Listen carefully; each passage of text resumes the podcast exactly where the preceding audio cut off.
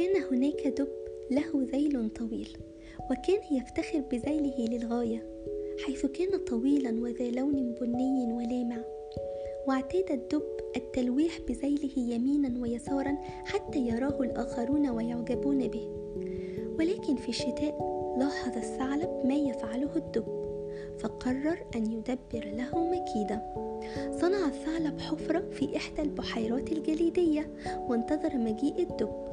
وعندما رأى الدب قادما وضع الثعلب ذيله في الحفرة ثم رفعه بسرعة حيث كانت تعلق به سمكة كبيرة فسأل الدب بينما ينظر للسمكة الكبيرة في اندهاش ما الذي تفعله؟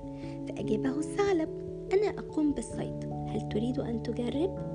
فقال له الدب في سعادة نعم أريد ذلك أخذ الثعلب الدب في بحيرة جليدية أخرى لا يعيش فيها أسماك ثم صنع حفرة فوضع الدب ذيله في الحفرة وأخبره الثعلب أن يبقي ذيله فيها.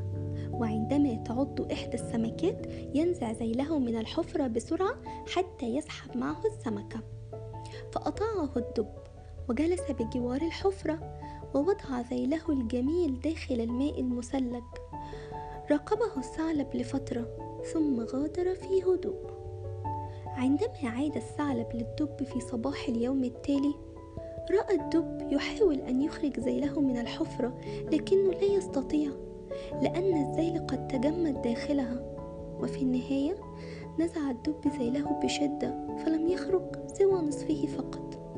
عاد الدب إلى كهفه حزينا ومنذ ذلك الحين أصبح للدببة ذيل قصير وصاروا يفضلون النوم في الشتاء.